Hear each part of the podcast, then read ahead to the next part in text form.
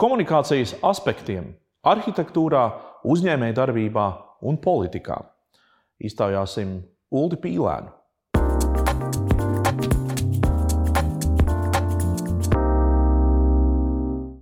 Savā ilgajā uzņēmēja karjerā droši vien komunikācija ir bijusi atslēga visam, gan izaugsmē, gan droši vien uh, tirgus atvēršana un vispārējais. Cik nu, tādā jūsu prioritāšu tādā, tajā sarakstā komunikācija ir augsta? 50% no biznesa vai no uzņēmējdarbības veiksmes ir atkarīgs no komunikācijas. Tad tas ir pietiekami daudz. Tad tehniskās lietas, protams, ir otrā plānā, komerciālās trešā plānā. Bet tas viss kopums, jo ar to biznesu, jeb ar uzņēmējdarbību ir tā, ja satiekās divi partneri kaut kādu lietu dēļ. Tas ir tā kā tango.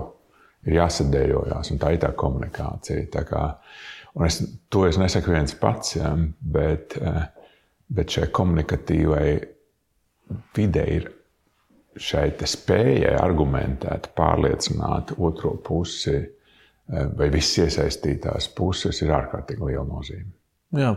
Vai jūs varat iedomāties uh, veiksmīgu uzņēmēju, bet sliktu komunikatoru? Vai tā kombinācija ir, uh, ir opcija? Nu, tad, uh, tādā gadījumā tas ir kaut kas, ir, protams, ir introvertie uzņēmēji, teiksim, bet tad viņam ir ekstraverts menedžments, tā kombinācija.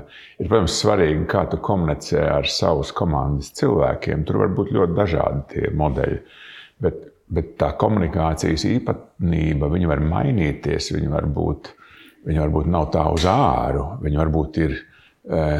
Kādam ir tā harizmātiskā spēja bez vārdiem faktiski iedvesmot savus kolēģus lietai, bet tālāk uz āru komunikācija jau tajā atvērtajā tirgus telpā, viņai ļoti liela nozīme. Tad menedžeriem jābūt ar augstu komunikatīvo spēju. Man ir tāda iekšēja, vienmēr tāda sajūta bijusi par arhitektiem, ka viņi sēž savā studijā pie varbūt vāja apgaismojuma vai kā, bet rasē un, un, un veido savu to projektu. Um, viņiem nav īpaši daudz jākomunicē, bet tas droši vien nav taisnība. Tas nav taisnība. Jo labs arhitekts arī par 50% ir komunikators. Ja tu nespēji savu ideju pasniegt pasūtītājiem, ja tu neaizdedzini viņu ar savu ideju, tad tavs projekts vienalga, cik labi viņš ir tavā divvientulībā ar ekrānu vai ar rasēmo dēli e, uzprojektēts, viņš negūs panākums. Jo tev ir pēc būtības Tev ir jāpasniedz savs darbs tādā dimensijā, ka pasūtītājs to jūt par savas personības struktūras pagarinājumu bez komunikācijas ar saviem rasējumiem. Eh, pasūtītājs bieži vien nav tajā arhitekta drēbē iekšā vai mm. arhitekta izpratnē, ka no tehniskām līnijām mēs varam nolasīt jau ļoti daudz no tās arhitektūras satura, līdz to tā komunikācija arhitektam ir tie paši 50%. Mm. Un dalās divi veidi arhitekti. Viena ir, man pieredze rāda, viena ir tie būvlaukuma arhitekti, komunikatori, kam nav bail no būvlaukuma, nav bail komunicēt, nav bail konfliktēt vajadzības gadījumā. Un ir tie, kuri cenšas mūžu nodzīvot um, projektēšanas telpās, pēc būtības paliekot tajā papīru vīziju uh, ietvarā. Un, protams, kad Nu, tomēr man arhitektūras, jeb arhitekta pieredze saka, ka veiksmīgāk ir tie pirmie, kuri konfrontējās ar dzīvi, kuri komunicē ar pasūtītāju, kuri mēģina papildināt savu tehnisko varēšanu vai arhitektūras varēšanu ar šīs idejas pasniegšanas, izskaidrošanas elementiem. Tāpēc manā izpratnē, man arī mācība Bauhaus skolā, komunikācija, mūsu sabiedriskās aizstāvēšanas ārkārtīgi populāra lieta. Man teica, bez, profesori teica, bez komunikācijas tu nebūsi nekas. Um, retorika, vai ne? Droši vien bija kāds speciāls priekšstats. Es domāju, ka tā mums to laikam, mums bija inženieru psiholoģija, viņa saucās. Aha. Un tad tur bija teiksim, tādas atsevišķas lietas, kas ir orientētas uz. Tā bija, tā bija ļaut kritizēt tavu projektu kursabiedriem, pasūtīt, eh, pasniedzēju jā, vadībā, jā, jā, protams, jā. jā. ļaut aizstāvēties un šajā diskusijā Varēja pat arī ļoti labi redzēt, ka jo vairāk mēs viens otru pazīstam, kā kursbiedri, jo mazāk paliek tādas tā tāda aizvainojuma vēlmes vai kaut kādas. Ja? Paliek ar vien konstruktīvāk šī diskusija par viena kolēģa, otru kolēģu projektiem. Un, un, un, un kopumā mēs apgūstam tādu diskusijas kultūru. Jā. Tad, kad es skatos uz uh, olu ķīpselā, Es um, redzu, ka tur ir saticies ļoti labi tas uh, uh, sapnis un arī arhitekta redzējums. Un arhitekta spēja to visu arī uztaisīt tādā inženiertehniskā būvē. Um, cik bieži ir tā, ka, um, ja mēs runājam par ēkām, par kaut kādiem arī sabiedriskām ēkām, uh, tas sapnis satiekās ar to īsto realitāti. Jo bieži vien tas realizētājs ir tas sapņotājs, un tad arhitektam mazāk darba, un šeit arhitekts ir lielāks sapņotājs. Jeb kā, jā, kā tā lielākā arhitekta veiksme, uh, jā, var teikt, veiksme, ir satikt savu pasūtītāju, mm -hmm. kas spēj iejusties šajā, kas spēj pieņemt arhitekta idejas. Jo novatoriskā arhitektūrā pasūtītājiem ir jābūt gatavam eksperimentēt. Un arhitekts ir tas, uz ko ir jāpaļaujas. Un olas, olas piemērā ir satikušies trīs, trīs vienā. Es kā arhitekts, es kā pasūtītājs un es kā būvniecības pārstāvis. Un tas, protams, atvieglo šo dialogu. Līdz to tas, tas mans sapnis kā pasūtītājam, ja viņš sakrīt ar manu sapni kā arhitektam, un manām tehniskām varēšanām, kā būvniecības kompānijas pārstāvjiem. Tad tas rezultāts veidojās gan smalks, gan izsvarots un bez pārdimensionēšanām vienā vai otrā pusē. Teiksim, citreiz ir Citreiz redzēt objektus, teiksim, kur arhitekts ir izpaudis to savu sāpību, jo pasūtītājs viņu nav līdz galam sapratis, vai viņam nav izdevies, vai viņš nav mācījies iestāstīt pasūtītājiem pareizās lietas. Un, Un tad kādā akcentā kaut kur var pilnīgi manīt šo sāpju, teiksim, ar ko viņš iznāk ārā. Kādreiz būvnieki un arhitekti šajā dialogā eh, viens, otru, viens otram runā garām. Kādreiz būvnieks un pasūtītājs runā viens otram Jā. garām. Šeit faktiski jau nebija kam uh, novirzīt to vainu. Ja, teiksim, ja kaut kas nav labi, tad jebkurā gadījumā es esmu atbildīgs gan par arhitektūru, gan par būvniecību, gan par mm. pasūtītāju izvēli. Jā. Jā, Būs provokatīvs jautājums par uh, to, kāda Rīga šobrīd ir uh, izskatās. Un es šeit varbūt runāju par tiem jauniem objektiem, kas, uh, kas tiek celti. Kāds ir tas skats un vērtējums? Vai... Mēs esam kopā kā sabiedrība tādā interesantā fāzē, ka mēs esam kaut kur ļoti, ļoti agrīnā kapitāla uzkrājuma fāzē. Mhm. Ar to es gribu teikt, ka normālas pilsētu attīstības grūdieni, teiksim, ja mēs skatāmies pasaules vēsturē cauri, ir brīdī, kad kapitāla uzkrājumības pietiekamība, tas nozīmē pasūtītāja spēja parādīt savu varēšanu, savu gribēšanu, savu atdevu sabiedrībai, ir tad, kad viņa kapitāls faktiski tiek pārvērsts nekustamos īpašumos, objektos un tam līdzīgi. Kad viņš var atraut no, no tās savas tirzniecības vai ražošanas darbības vai kā tam līdzīga. Ja mums ir tāda samocīta, no filozofiskā viedokļa, samocīta kombinācija starp Eiropas Savienības naudām, pie tam iezīmētām ļoti precīzās programmās, no mūsu nacionālo kapitāla turētāju, relatīvi šaurās rocības un arī tāda vēlme taupīt, lai komerciālais nekustamā īpašuma pasākums izdotos tad mēs redzam, ka arhitektūras filozofija ir, ir gana samocīta.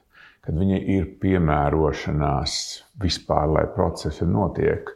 Un tāpēc mēs redzam diezgan daudz objektus, kuri ir gribēti, bet nav varēti, kurā varēšana ir bijusi, bet savukārt griba ir sabremzējusies kaut kādu komerciālu vai, vai, vai citu iemeslu dēļ, vai kapitāla pieejamības, vai kaut kā tamlīdzīga. Ar to es gribu teikt, var sakot, ka Mēs nevaram pārmest šobrīd to, kas mēs varam pārmest rezultātus, bet mēs nevaram pārmest to stadiju, ka mums ir jāizniet tā kā tādai bērnu masalām cauri šim kļūdu periodam, līdz tā filozofija tikai saskatot šos kļūdus, varētu varētu pacelties augstākā līmenī visām pusēm. Tas pats ir arhitekta pusē. Jātiek skaidrībā, vai mēs esam, vai mēs kā arhitekti, kā cunfte, esam sadzīves pakalpojumu brigādi, tā var -hmm. teikt, kur izpildi jebkurus klientu pasūtījumus. Galvenais, ka par to tiek samaksāts. Cik lielā mērā ir mūsu atbildība ielikta, iekodēta iekšā par pilsētu būvnieciskiem risinājumiem, cik liels ir mūsu katra individuālais ego, lai, lai mēs spētu dokumentēt to savu, redz, ko es varu. Un tas kombinācijā ar mūsu tehnoloģiskām iespējām, ar to es domāju, būvindustrijas iespējām. Mēs neesam top pasaules valsts ar augstāko būvniecības tehnoloģisko attīstības Jā. līmeni, bet mēs pievelkamies tam klāt. Un līdz to tā mana filozofija, ka mēs nedrīkstam nogrimt 19. gadsimta būvniecības tradīcijās, daudzos roku darbos un, un, un arī, arī tēlos, teiksim, kas dokumentē dokumentē vairāk 19. vai 20. gadsimta sākumu nekā 21. gadsimta domāšana ar visu viņa tehnoloģisko pusi, ar visu apziņas pusi. Jā. Šai ziņā man šķiet ļoti simpātisks tieši Helsinku pieejams, kur, kur eh, pilsēta, ja mēs tā paskatāmies, ir uzbūvēta ļoti funkcionāli. Vispār būvs ir tāds ļoti vienkāršs, funkcionāls, bez āršķirībām un tādā liekas, vienā standartā kaut kā. Nu, tas ir, es tā to neteiktu. Bet ja patīkam mēs, tur ja mēs paskatāmies, teiksim, vēsturisko, teiksim, to impērisko Somijas sadaļu, kad arī viņi vēl piederēja Krievijas impērijai un tam līdzīgi, tad, teiksim, tas pompozums caur tām akmeņu daudzajām ēkām nāk ārā vai tā, tur ir mm -hmm. stacija vai kaut kādas tur lietas. Skaidrs, ka pēc kara Somija nav bagāta. Jā. Pēc otrā pasaules kara skaidrs, ja tavu intelekts um, pārvaldes pusē, jeb sabiedriskā pasūtītāja pusē, kas bieži vien ir šīs visas, iet roku rokā ar filozofiski, nu, teiksim, tā apziņas līmenī avansētiem, jeb gudriem arhitektiem, jā, kā Alvars Alto tajā laikā. Mm -hmm tad tu vari iegūt, teiksim, Finlandijas pilsētu. Un, tas, un tas iezīmē to rokrakstu, tas, kas ies cauri pietiekami ilgiem laikiem. Ir ārkārtīgi grūti Somijam atvadīties no šāda funkcionāla, tāda saprātīga, racionālām idejām, jo tur visu laiku runā līdzi arī naudiņa. Tāpēc šī vietējā materiāla izmantošana, koku izmantošana, somu arhitektūrā un dizainā, un stikla, teiksim, šajā gadījumā, akmens un smiltīm dizainā Viņa, viņa, viņa liecina par labu nacionālu filozofiju, kā mēs šo dzīvi kārtojam sabiedrībā kopā ar to rocību, kas ir mūsu jā, rīcībā. Tās ambīcijas jā. ir tādas, kādas viņām ir jā, jābūt jā. pielīdzināts. Um, otrajā mūsu sarunas daļā es labprāt parunātu par atgrieztos atpakaļ pie komunikācijas un atvērtu jaunu lapspusi. Uh, jūs kā, kā politiķis. Es nemaz nezinu, vai es varu saukt jūs par politiķu. Jūs pats nu, laikam jau pēdējā kā... laikā, kopš 10. maija. Jā, jā bet uh, ievēlēts tā kā nesat. Bet, uh, bet, nu, jā, kā, kā tas... Ar to politiku un ievēlēšanu ir sekojošas lietas. Ne katrs ir, un es tagad arī redzu mūsu kolēģi no apvienotā saraksta, tie, kuri ir ievēlēti saimā. Ir, tas ir specifisks darbs. Tas ir ļoti specifisks darbs ar likuma projektiem, ar likuma grozījumiem. Ar situācijas, ar drēbes izpratni, ar juridiskām niansēm, jo tu ar katru detaļu tu piedalies tās lielās kopainas veidošanā. Bet poli, politiķis pēc būtības jau ir, nu, kā lai to nosauc, tas, ir, tas nav. Tā ir attieksme pret realitāti. Tā ir drusku tāda filozofiska kategorija. Ja? Tad, ja tu esi, neesi mierā ar kaut ko, kas ir šodienas dienas kārtība vai šodienas Jā. Latvijas attīstība, tad tad tu mēģini kaut ko darīt, lai tas mainītos. Un šis pats process, ka tu piedalies tā savu spēju un iespēju robežos šajos maiņas procesos, nozīmē, ka tu veido politiku. Un, ja tu veido politiku, tad nav tālu šis apzīmējums politiķis. Un tādā mhm. veidā varam viņu piekabināt klāt. Protams, ka filozofiski es esmu arhitekts. Bet tā interesantā tēma, kad arhitektūra ir projektu māksla šajā gadījumā, kad tu kaut ko redzi, kaut kas, kas esošā kontekstā vēl nav, tu kaut ko radi, kas, kas šajā kontekstā ienāk iekšā. Jā. Objekts šajā gadījumā pieminētā ola un tā līdzīgi. Viņi nebija pirms tam. Tas nozīmē, ka tu uzņemies lielu atbildību, lielu risku arī par to, ka tu esi izmainījis esošo ja vakardienas situāciju ar tavu objektu un, un tavām aktivitātēm un ir parādījies kaut kas jauns. Un politikā ir līdzīgi, vienīgi tas rezultāts nav tik taustāms eh, kā šī gadījumā arhitekta eh, biogrāfijā, ka tev viens pēc otra veidojās. Jo tu arī maini realitāti, un, ja tu maini realitāti, tad tu, tu piedāvā rītdienai savādāku realitāti nekā viņa ir bijusi vakar. Tā tur tā arhitekta un politiķa paralēlis iet kopā kaut kur. Jā. Ja mēs atgriežamies tādos notikumos, nesenos notikumos, kur vēl mēs atceramies, kā tika veidota valdība, tad spilgt atmiņā ir tā, tādas, tāda fotografija vai video kadrs, pat vairs neatceros, kas tas bija. Kur vienā pusē ir apvienotais saraksts, otrā pusē ir jaunā vienotība. Tā kā divi tādi suņi viens pret otru. Kāda, Kā, kas ir tas, ko tagad, skatoties retrospektīvi uz to laiku, uz to, to visu, ka, protams, jau valdību beigās izveidojām, un, un, un tā, bet tas laiks, ko viņš iezīmēja, teiksim, tajā, es, ko jaunu tas pateiks, jā, es, es, protams, par to arī domāju pēc tam, jo tad, kad tu esi šajā taktiskā cīņa laukā, politisko cīņu laukā, protams, ja, tad tajā brīdī tu varbūt nedomā, kas ir tas, kas pēc būtības frontāli liek sadurties it kā šķietami ļoti tuviem no domāšanas viedokļa, no attieksmes pret realitāti, no attieksmes pret Latviju spēkiem. Un, laika gaitā es sapratu, man liekas, to lielo atšķirību. Vismaz pašam sev es sapratu, es nezinu, vai tas atbilst patiesībai, bet mans pieņēmums ir to, ko es redzēju no jaunās vienotības piedāvātām politiskām aktivitātēm, ir vēlme veidot valsts kapitāla sabiedrību. Es paskaidrošu arī to, ko savukārt mēs redzējām no apvienotā sarakstu viedokļa. Ir tēze, kas ir konservatīvai politikai Eiropā vismaz tāds tā kā atslēgas jēdziens - sociāli atbildīga tirgus ekonomika. Uh mhm. -huh. Ko nozīmē valsts kapitāla? Tas nozīmē, ja valstī ir dabīgie monopoli, kurus mēs esam mantojuši no sociālisma laikiem un tam līdzīgi tad tu vari būvēt uh, politikas uz šo monopolu lomu vēl lielāku stiprināšanu, ar vēl lielāku uh, dividendžu saņemšanu. Galvā tas, tas ir valsts, valsts kapitāla sabiedrības. Ja? Dividendžu sa, sa, saņemšana un izdalīšana tiem, kas izkrīt no sociālās aprūpes sievietēm. Tādējādi veidojās ārkārtīgi uh, monopolizēta pelnošo uh, uzņēmumu sadaļa, kur dominē valsts uzņēmumi, kā mēs zinām, Latvijas energo, Jā. ar Latvijas gāzi, ar savām daļām, uh, vēl visādas uh, lietas. Un savukārt, tu rezultātā ejot šo ļoti kapitālismu pieeju, ka tev galvenais ir peļņa, valsts uzņēmuma galvenais ir peļņa, lai būtu. Ja, tad tas nozīmē, ka tu mazini sabiedrības vai, vai kopējās dzīvelīgās ekonomikas, tā skaitā mazās uzņēmējdarbības, tā skaitā dzīves stilu uzņēmumu, mm -hmm. spēju šo kopējo teritoriju, mūsu šo sabiedrību celt uz sociāli atbildīgu, līdzsvarotāku līmeni. Un šīs ir tās divas filozofijas, kuras sadūrās. Privatizēti pie šodienas ierēdniecības un varas morāles, teiksim, uzņēmums kā Latvijas energo, kā ostas, kā Latvijas meža mājas. Atdot biržā, piemēram. Pat ne biržā, bet es eh, pazīstot iepriekšējās pieredzes, kā kuģniecības privatizācija, kā, Jā. kā pārtiks industrijas privatizācija un pēc tam pārdošana un tam līdzīgi.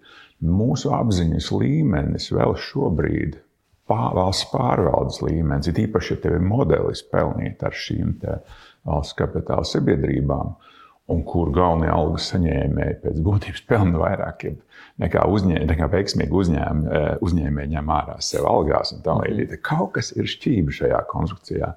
Un katrā šādā tikšanās reizē šīs filozofiskās idejas sadūrās. Mūsu svarīga ir reģiona attīstība. Otrā pusē ir vajadzīga efektivitāte, urbanizācija tā līdzīgi. Jā, no Rīgas uz pārējo. Jautājums, visu, ko darīsim ar pārējo Latvijas teritoriju. Jā. Mums svarīgi ir uh, katrā Latvijas stūrītī pieejama ātrā palīdzība, ugunsdzēsību, uh, skolu, pamatskolu vismaz līmenī. Jā, ja nepieciešams, mobilākus pedagogus, teiksim, kas kustās uh, pa Latviju, līdzīgi kā ļoti daudz citas profesijas, līdzīgi mediķi, kas kustās daudz intensīvāk. Un šie filozofiskie jautājumi izrādījās gana, gana nopietni lai, lai valdības veidošanas sarunās ieķertos tā, tā, tā konfrontēšanās bija vairāk par par šo viena vai otra koncepta taktiskiem paņēmieniem, kā viņi dabūt cauri, kā realizēt. Jā. Um, un tur mēs, protams, pazaudējām laiku, bet mēs vienkārši sapratām, vismaz es sapratu, ka mums ir savādākas filozofiskas, atšķirīgas domas par to, kā attīstīties Latvijai kopumā, vai pēc viena vai pēc otra scenārija. Ņemot vērā, ka apvienotais saraksts nebija 13. sajamā, valdībā vai opozīcijā, un redzot tos rezultātus, nu, viņi nav pārāk cerīgi. Līdz to gribās teikt, ka tomēr vajadzētu ieklausīties mūsu piedāvājumos, mm -hmm. jo iespējams, ka tas ir ceļš uz labāku nākotni. Nu, nu labi, tagad jūs esat koalīcijā. Jautājums, vai ir iespēja veidot dialogu, jo tās atšķirības jau tāpat paliek. Nu, tās ir filozofiskas. Jā, tas, tas ir, protams, ļoti nopietns jautājums, jo mums bija ārkārtīgi grūti nolēmt. Apvienotās sarakstā bija ārkārtīgi grūti nolēmt pašiem ilgi līdz pēdējiem brīdim, vai mēs varam būt koalīcijas partners pie šādām dažādām filozofijām. Bet mūsu atbildība par to, Lat, kā Latvija attīstīsies tālāk, jā, labi, tas temps nebija tik ātrs, kā mēs bijām domājuši. Pārmaiņu politika negūs tik dzirdīgas ausis, kā mums gribētos, bet, bet, eh, bet mēs nolēmām, ka mums nav citas versijas, kā atbildīgi iet iekšā šajā koalīcijā un no mazākā nosacīt jaunākā partnera pozīcijām darīt visu iespējamo, ko mēs varam darīt. Un, protams, tie procesi ir lēnāki, jo ja nemainās vadība savā mentalitātē un Kariņa kungs kāds viņš bija 13. saimas laikā.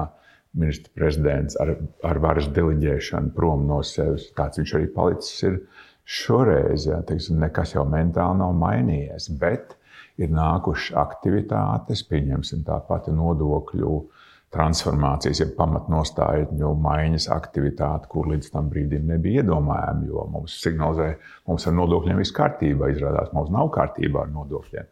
Mums ar iekasējumību ir viss kārtībā. Izrādās, mums nav kārtībā ar iekasējumību. Mums ar valsts iepirkumiem viss kārtībā. Izrādās, ka ļoti nav kārtībā tā pašā aizsardzības ministrijā, piemēram, un vēl gan jau kaut kur citur un tam līdzīgi. Tā kā, tā kā tā piedalīšanās pat ar savādākām valsts tiesībām šādā, šādā koalīcijā, viņš tomēr izkustina kaut kādā veidā tās, tās līdz šim iedomātās nemainīgās akmeņus, jau pīlārus šai konstrukcijai. Jaunā vienotība uh, uzvarēja šīs vēlēšanas, un varētu teikt, ka sabiedrība taču deva vēlreiz mandātu. Tas nozīmē, ka sabiedrība apmierināja iepriekšējie četri gadi. Uh, šī vadīš, vadības stils un vadības veids, uh, vai tā to varētu arī tulkot?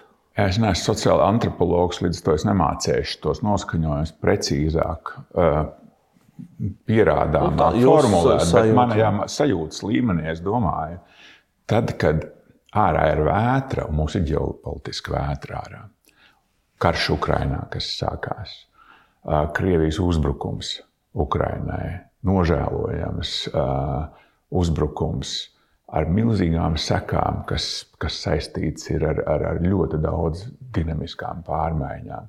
Tajā brīdī cilvēks meklē kaut kādu stabilitāti. Un, ja līdz šim mums bija labāka vai sliktāka menedžēta, bet tomēr pārvarēta pandēmijas tā pirmā aktīvā fāze, drīzāk slikti nekā labi, bet tomēr pārvarēta, tad tu saproti, ka tu nevari paļauties momentā uz kaut kādu apvienoto sarakstu, kas radies tikai maija beigās. Un, un, un, tu nevari paļauties, un tu izvēlējies pēc būtības to stabilāko elementu. Jā, ir bijis kā bijis, bet tomēr ir sava veida stabilitāte un prognozamība. Es domāju, ka tas ir jaunās vienotības panākumu.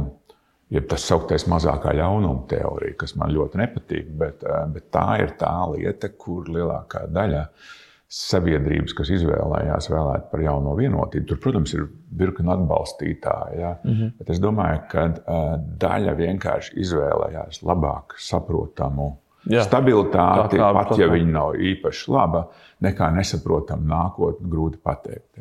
Jā, ņemot vērā to, kas arī apkārt ir. Vai tas būs arī tālāk, tā grūti pateikt. Man liekas, ka tas gan tā nebūs, jo jaunie apstākļi šajā gadījumā Krievijas izraisītais karš Ukrajinā ir ilgs. Arī kara uh, sekas psiholoģiskās, sociālās, ģeopolitiskās, viņas būs relatīvi ilgstošas. Mums ar to jārēķinās. Tad tas nozīmē, tas kļūs par mūsu mm, nu, teiksim, dzīves sastāvdaļu, šī te kara tēmas es, mm. esamība tepat blakus, pat ja nenotiek lielākas ģeopolitiskas katastrofas un tam līdzīgi. Mēs esam spiest rēķināties, ka austrumu pusē mums vairs nav kaimiņš, ar kuru var veikt saimniecisko darbību, ar kuru var veikt kultūra apmaiņas procesus, ar kuru var, ar kuru var būvēt kaut kādus kopprojektus. Teiksim, tā kā savā laikā Vācija būvēja to Protams, gāzes vadu ar Krieviju un tā līdzīgi. Tas nozīmē, Tad uzticības atjaunošana horizontā, uz horizonta nav saskatāma. Tur būs nepieciešami gadi, iespējams, paudžu maiņas līdz, līdz daudz maz tās atvērtās brūces, kas ir visai Austrumēropas telpai, īpaši jau Ukrainai, atvērtas. Ja? Līdz viņas varēs sadziedēt. Paldies! Paldies par interviju! Paldies.